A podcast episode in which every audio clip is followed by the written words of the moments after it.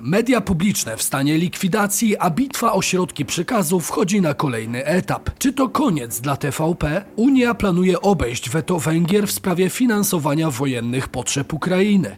Jak wygląda alternatywny plan finansowania naszych sąsiadów? Pierwsza pula środków z Unii trafiła już do Polski, a resort spodziewa się niebawem kolejnych 31 miliardów złotych. Kiedy otrzymamy środki z KPO i co zamierzamy za nie kupić? Dokąd zmierzał pieniądz w tym tygodniu? Sprawdźmy to. Bizweek. Cotygodniowy przegląd świata biznesu i finansów. Cześć, tutaj Damian Olszewski i witam Was serdecznie w programie Praktycznie o Pieniądzach i informacyjnej serii Bizweek, gdzie co tydzień otrzymujecie dawkę najważniejszych informacji ze świata biznesu i finansów. Stałych widzów proszę jak zwykle o kredyt zaufania w postaci łapki w górę. I ruszamy. Czas to pieniądz, więc zaczynajmy. To koniec dla TVP? Minister kultury postawił TVP, Polskie Radio i PAP w stan likwidacji. Po przejęciu mediów publicznych przez obecną koalicję rządową doszło do protestów. Nie obyło się także bez wątpliwości natury prawnej i etycznej, zarówno w kraju, jak i za granicą. O tym zdarzeniu pisał m.in. New York Post, który informował, że w zeszłym tygodniu polski rząd wysłał policję z pałkami do siedziby TVP, głównego nadawcy państwowego. Spór o TVP stał się tak także kością niezgody pomiędzy prezydentem Andrzejem Dudą a rządem koalicyjnym. Prezydent zawetował nową ustawę budżetową, a główną przyczyną weta miał być plan dofinansowania telewizji polskiej znaczącą kwotą. We wtorek minister kultury i dziedzictwa narodowego Bartłomiej Sienkiewicz poinformował, że w związku z decyzją prezydenta Andrzeja Dudy o wstrzymaniu finansowania mediów publicznych podjął decyzję o postawieniu w stan likwidacji spółek Telewizja Polska SA, Polskie Radio SA oraz Polskiej Agencji Prasowej SA. Równocześnie zastrzeżono jednak, że stan likwidacji może być cofnięty w dowolnym momencie przez właściciela. Wygląda to na jasny sygnał skierowany do prezydenta, który być może przyspieszył proces agonii dotychczasowych mediów publicznych i zmusił nową władzę do pójścia w tej sprawie inną ścieżką. Minister Sienkiewicz motywuje swoją decyzję wstrzymaniem finansowania na podstawie decyzji Andrzeja Dudy, który zawetował ustawę okołobudżetową na rok 2024 z powodu braku zgody na przeznaczenie zapisanych w ustawie 3 miliardów złotych na, cytuję, nielegalnie przejęte media publiczne. Zgodnie z zapowiedzią w środę do Sejmu wpłynął prezydencki projekt ustawy o szczególnych rozwiązaniach służących realizacji ustawy budżetowej na rok 2024. Szefowa Kancelarii Prezydenta Grażyna Ignaczak-Bandych powiedziała Polskiej Agencji Prasowej, że prezydencki projekt ustawy o szczególnych rozwiązaniach służących realizacji ustawy budżetowej na rok 2024 zawiera rozwiązania tożsame z ustawą okołobudżetową z wyłączeniem finansowania mediów publicznych. Do sytuacji odniósł się również również premier Donald Tusk. Minister kultury będzie zajmował się sytuacją mediów publicznych po wecie prezydenta, a więc w sytuacji, w której media publiczne nie mają do dyspozycji tych 3 miliardów złotych w obligacjach. Jako właściciel, nie jako osoba, tylko urząd MKIDN, będzie zobowiązany do podjęcia spokojnych, racjonalnych decyzji, tak żeby móc skutecznie działać w obliczu bardzo małych środków, jakie będą przeznaczone na media publiczne. Równocześnie zostały już zapowiedziane prace nad nową ustawą medialną, która prawdopodobnie może unormować aktualne ogromne zamieszanie i wątpliwości prawne wobec przejęcia mediów publicznych. Co zatem praktycznie oznacza decyzja ministra Sienkiewicza? Czy możemy mówić o końcu mediów publicznych w Polsce? Spokojnie, do tego jeszcze daleka droga, więc ktokolwiek chciałby zgłaszać się po refundację abonamentu RTV albo przestać go płacić, powinien wstrzymać się z takimi krokami. Likwidacja spółek medialnych oznacza powołanie likwidatorów, którzy przejmują od zarządu uprawnienia do prowadzenia spraw spółki i jej reprezentowania. Jak wskazuje Rzeczpospolita, zgodnie z artykułem 463 ustęp 1 kodeksu spółek handlowych, któremu spółki podlegają, likwidatorami są członkowie zarządu spółki, o ile ich statut lub uchwała walnego zgromadzenia nie stanowi inaczej. Zatem na ten moment rolę likwidatorów mają pełnić odpowiednio Tomasz Sygut, Paweł Majcher i Marek Błoński, czyli nowi prezesi TVP, Polskiego Radia i Polskiej Agencji prasowej powołani tydzień temu przez ministra kultury. W praktyce postawienie w stan likwidacji nie oznacza zaprzestania nadawania programów, jednak trzeba zaznaczyć, że jest to kolejna ścieżka na przejęcie mediów publicznych przez obecną koalicję rządową. Proces likwidacji mediów publicznych może trwać nawet latami i wcale nie musi oznaczać ich końca w obecnej postaci. Ponadto likwidacja może okazać się w zasadzie niemożliwa, ponieważ ich funkcjonowanie jest zapewnione na podstawie ustawy o radiofonii i telewizji oraz o Polskiej Agencji Prasowej. Innymi słowy, państwo polskie nie może funkcjonować bez źródła informacji, jakim są media publiczne. Decyzja o likwidacji mediów publicznych wprowadza niemałe zamieszanie, lecz równocześnie rozwiązuje niektóre konflikty, szczególnie te związane z odpowiedzialnością za działanie tych mediów. W sądzie rejonowym dla Warszawy czeka obecnie na rozpatrzenie aż pięć wniosków dotyczących telewizji polskiej, w tym dwa szczególnie istotne. Pierwszy z nich zakłada, że funkcję prezesa TVP obejmie Tomasz Sygut, wybrany przez nową Radę Nadzorczą Telewizji, podczas gdy drugi wniosek opowiada się za Michałem Adamczykiem, powołanym powołanym przez Radę Mediów Narodowych. Dodatkowo na uwagę zasługuje wniosek dotyczący Macieja Łopińskiego, który na mocy decyzji poprzedniej, obecnie odwołanej przez Sienkiewicza Rady Nadzorczej, został delegowany do zarządu TVP w związku z rezygnacją Mateusza Matyszkiewicza z funkcji prezesa. Na uwagę zasługuje także alternatywny scenariusz, w którym kluczową rolę może odegrać prokuratura. Ten wątek został zaakcentowany przez posła Krzysztofa Szczuckiego, który w minionym tygodniu zainicjował procedurę prawną prawną, składając wniosek do prokuratury w celu zbadania potencjalnie bezprawnych działań ministra kultury. Z uwagi na te działania istnieje realna możliwość, że poseł Szczucki podejmie podobne kroki wobec uchwały, która rozpoczęła proces likwidacji mediów publicznych. Prawdopodobieństwo takiego scenariusza wzrasta, biorąc pod uwagę fakt, że poseł już wcześniej wyraził swoje stanowisko na ten temat na portalu X, twierdząc, że ostateczna decyzja w kwestii likwidacji powinna należeć wyłącznie do ustawodawcy. Jednak czy do tego wszystkiego dojdzie? Nie byłbym taki pewien, biorąc pod uwagę sporych rozmiarów furtkę awaryjną, jaką zostawił sobie minister kultury. Cytuję: Stan likwidacji może być cofnięty w dowolnym momencie przez właściciela. Tak więc sytuację można interpretować również jako próbę wywarcia nacisku na partie opozycyjne oraz perswazję mającą na celu skłonienie ich do zaprzestania blokowania proponowanych zmian. Czy to się uda? Czy ten ruch ministra Sienkiewicza to szachmat i koniec dla TVP, czy czekają nas kolejne odcinki tego serialu? Podzielcie się opinią w komentarzu, a ja nie omieszkam Was poinformować o dalszych działaniach władzy, jak będzie już wiadomo więcej. Resort funduszy liczy na 31 miliardów złotych z KPO. Kiedy otrzymamy pieniądze z Unii? Kwestia otrzymania należnych nam środków z Krajowego Planu Odbudowy ciągnie się od ponad dwóch lat. Można jednak założyć, że jesteśmy już bliżej niż dalej odblokowania mitycznych środków z KPO. 21 listopada poinformowano, że Komisja Europejska pozytywnie oceniła zmieniony polski Krajowy Plan Odbudowy o wartości 59,8 miliardów euro, a następnie potwierdzono wypłatę dla Polski zaliczki w wysokości 5,1 miliarda euro z funduszy Repower EU. Aktualnie jesteśmy na kolejnym etapie, ponieważ polscy urzędnicy złożyli w Brukseli pierwszy wniosek o płatność z właściwego Krajowego Planu Odbudowy. Ministerstwo Funduszu i Polityki Regionalnej złożyło wniosek o wypłatę dokładnie 31 miliardów złotych. Czy tym razem dostaniemy te środki? Jeszcze niedawno było to niewiadome, ponieważ Unia Europejska miała zastrzeżenia dotyczące praworządności w naszym kraju.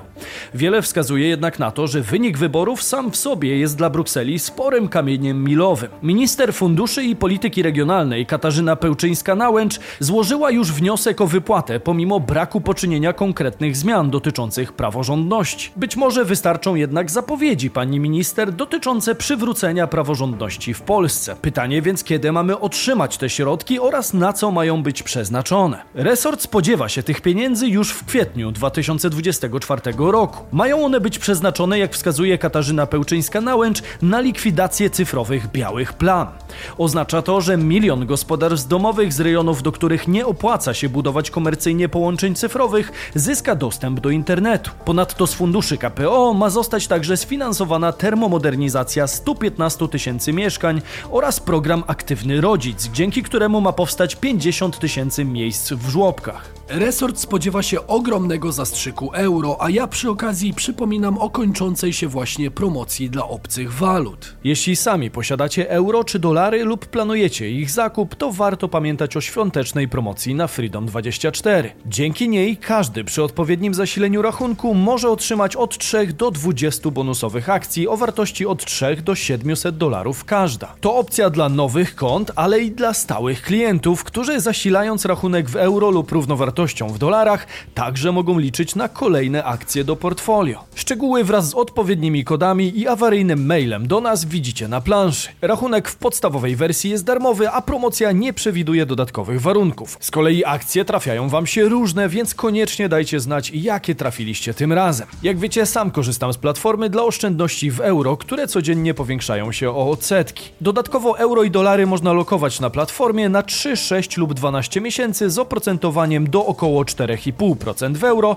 i do 6,16% w dolarze. Platforma daje też spore możliwości inwestycji w różne aktywa finansowe na wielu różnych kontynentach. Pamiętajcie jednak, że wszelkie inwestycje wiążą się z ryzykiem. Szczegóły promocji i rachunku znajdziecie pod linkiem w opisie filmu i w przypiętym komentarzu, gdzie również odpowiadam na najczęściej zadawane pytania. Ważne, abyście użyli właśnie tego linka, inaczej nie będziecie kwalifikować się do promocji wyłącznie dla bizonów. Unia ominie Węgry i uratuje Ukrainę. Awaryjny plan finansowania Ukrainy. Czteroletni pakiet pomocowy Unii Europejskiej dla Ukrainy o wartości 50 miliardów euro nadal nie został przyjęty. Prawa weta w tej sprawie zdecydowali się użyć Węgrzy. Budapeszt wywołał tym samym zaniepokojenie wśród członków Unii Europejskiej, którzy rozważają alternatywne metody wsparcia dla Ukrainy. Sytuacja finansowa Ukrainy jest przedmiotem intensywnej dyskusji, szczególnie w świetle trudności, jakie napotyka projekt ustawy w Stanach Zjednoczonych, przewidującej dodatkowe środki dla tego kraju. Administracja Białego Domu, apelując o alokację 61 miliardów dolarów, stoi w obliczu skomplikowanego impasu politycznego, bowiem republikanie używają wsparcia dla Ukrainy jako narzędzia negocjacyjnego w kontekście odświeżenia pomysłu budowy muru na granicy z Meksykiem, kontrowersyjnego projektu inicjowanego przez byłego prezydenta Donalda Trumpa. Obecnie kwestia wsparcia finansowego Unii Europejskiej dla Ukrainy jest przedmiotem znaczącej niepewności, co głównie wynika z potencjalnej decyzji Viktora Orbana dotyczącej użycia prawa weta na unijnym szczycie zaplanowanym na 1 lutego. Ta sytuacja rysuje obraz, w którym zarówno Ukraina, jak i Unia Europejska wydają się być uzależnione od decyzji Węgier. Jednakże Unia Europejska, zdając sobie sprawę z tej zależności, opracowała alternatywny plan działania. Financial Times podał informację do dotyczącą awaryjnego planu wsparcia udzielonego przez Unię Europejską na rzecz Ukrainy. Jeśli na najbliższym szczycie Unii Europejskiej 1 lutego dalej nie uda się przezwyciężyć weta Orbana, to prawdopodobnie zostanie wdrożony nowy mechanizm. Financial Times mówi o schemacie podobnym do zastosowanego ponad 3 lata temu, gdy Komisja Europejska przekazała krajom członkowskim 100 miliardów euro na walkę z pandemią COVID-19. Alternatywny plan zakłada, że państwa członkowskie będące gwarantem budżetu Unii Europejskiej udzieliłyby zgody Komisji Europejskiej na pozyskanie środków finansowych dla Kijowa poprzez emisję obligacji na rynkach kapitałowych w roku 2024. Mowa mianowicie o programie, który umożliwiłby Komisji Europejskiej pożyczenie na rynkach kapitałowych do 20 miliardów euro i przekazanie ich Ukrainie. Ostateczna wartość tego wsparcia jest jeszcze przedmiotem dyskusji i będzie dostosowana do aktualnych potrzeb kraju dotkniętego wojną. Jak wskazują urzędnicy z Unii, taki program jest możliwy zarówno technicznie, jak i politycznie. Powszechnie uważa się bowiem, że dalsze uleganie Orbanowi zaszkodziłoby wiarygodności Brukseli. Ponadto w Unii Europejskiej pojawiają się już nawet głosy, aby reaktywować procedurę z artykułu 7 Traktatu o Unii Europejskiej o naruszeniu praworządności, która mogłaby skutkować zawieszeniem prawa głosu Węgier. Budapeszt blokuje pomoc dla Ukrainy i taki szantaż polityczny może być skuteczny.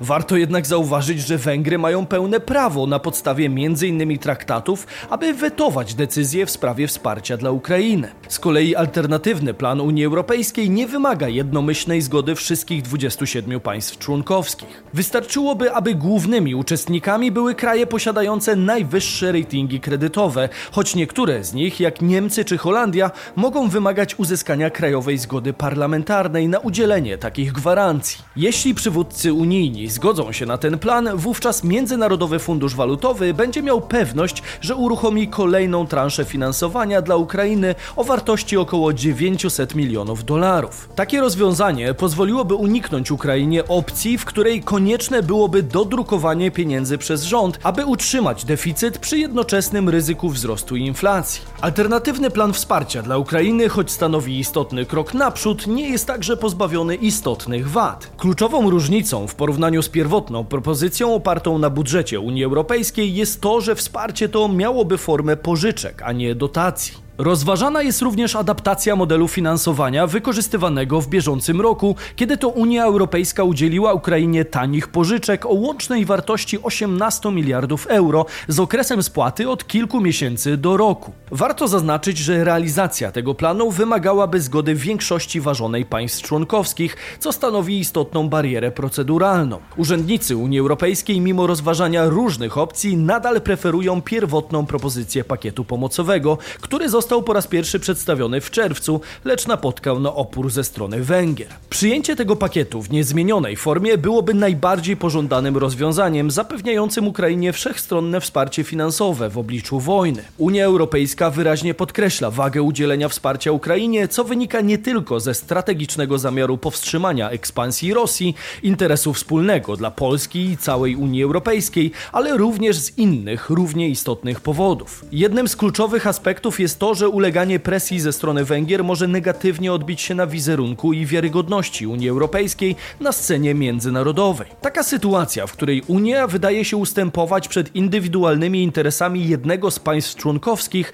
może doprowadzić do osłabienia jej pozycji w negocjacjach i współpracy na arenie globalnej. Ponadto zdolność Unii do skutecznego działania i podejmowania zdecydowanych kroków w obliczu kryzysów międzynarodowych jest fundamentalnym elementem utrzymania jej roli jako znaczącego i wpływowego wpływowego gracza na światowej arenie politycznej i ekonomicznej. Między innymi właśnie tego typu paraliże decyzyjne stoją u podstaw dążenia do zniesienia prawa weta, a tym samym ograniczenia siły głosu jednego państwa w całej wspólnocie. Jednak czy to dobry kierunek rozwoju dla Unii? Chętnie poznam Wasze zdanie w komentarzach. Mówił Damian Olszewski, a to był Bizweek, Wasz cotygodniowy przegląd najważniejszych wydarzeń ze świata biznesu i finansów. Warto subskrybować kanał na dole, aby wiedzieć dokąd zmierzał pieniądz i pamiętajcie też o ofercie partnera kanału pod linkiem w opisie filmu. Wiernych widzów proszę o hashtag Bizweek w komentarzu i do zobaczenia za moment w jednym z kolejnych filmów wokół mnie lub dopiero za kilka dni.